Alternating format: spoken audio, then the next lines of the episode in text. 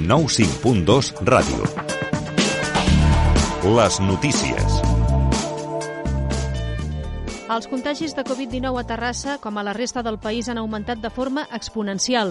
Tant és així que el risc de rebrot a la ciutat ha passat en una setmana de 170 a 1.252, un nivell rècord des de l'inici de la pandèmia i que supera de llarg el que vam tenir durant l'onada de la tardor.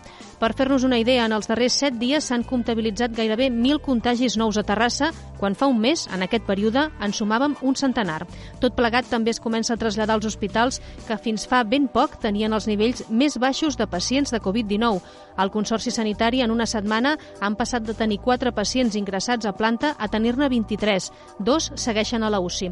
Però al Departament de Salut també li preocupa no saturar l'atenció primària i per això ha actualitzat el protocol d'atenció sanitària. Els contactes estrets asimptomàtics d'un cas positiu no han d'anar al CAP perquè no es tastaran de forma sistemàtica. Hauran de fer el preceptiu aïllament de 10 dies i rebran un SMS amb un enllaç al web contactecovid.cat per tramitar la, la baixa laboral si cal. Salut reitera la importància del compliment de les actuals mesures de control epidemiològic, especialment en l'ús de les mascaretes i en trobades fora del grup bombolla. L'Ajuntament de Terrassa ha celebrat aquest 9 de juliol el primer ple extraordinari format exclusivament per dones. Regidores i oradores han estat presents al Saló de Plens i la resta de les participants en els grups de treball previs han pogut seguir la sessió des del Cinema Catalunya o des de casa, per internet. Les set propostes presentades s'han aprovat per unanimitat i són fruit d'un procés participatiu de 76 dones de 43 entitats i col·lectius. La darrera ha servit per aprovar el full de ruta de les polítiques de gènere dels propers anys, una planificació compartida entre teixit social i institucions que arrenca en aquest primer ple de dones. Ho explica la regidora de Polítiques de Gènere, Núria Marín. Continuar treballant en l'àmbit de les nostres competències perquè la igualtat sigui una prioritat política i una línia estratègica de cada acció que es realitzi, perquè la igualtat no és només un valor, sinó una pràctica política ha de traduir-se en mesures i canvis reals que facin de Terrassa una ciutat feminista.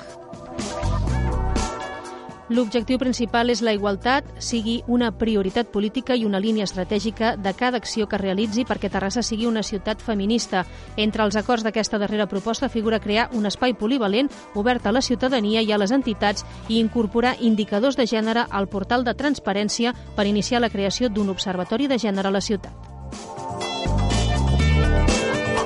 Llorenç Puig i Maioles ha rebut aquest dijous la medalla de la ciutat en un teatre principal convertit simbòlicament en el Saló de Plens. Puig va ser un dels fundadors de la Tecnos, una escola mixta, laica i catalana, tres trets gairebé impensables al 1962 i va fer classes fins que es va jubilar fa 18 anys amb una breu estada també a l'Institut Egara.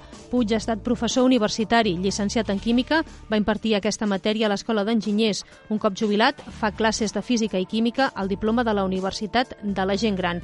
A banda de la vessant científico-docent, Llorenç Puig també ha estat un home de lletres, amb novel·les, articles periodístics, contes, poesia i llibres de divulgació científica. Algunes de les seves obres fet guanyador dels premis Ciutat de Terrassa, Salvador Espriu i Lola Anglada. El professor universitari de literatura catalana Jaume Aulet ha estat l'encarregat de llegir la glosa de l'homenatjat. Ho deixem aquí. Més informació en propers butlletins horaris. Les notícies al 95.2 FM.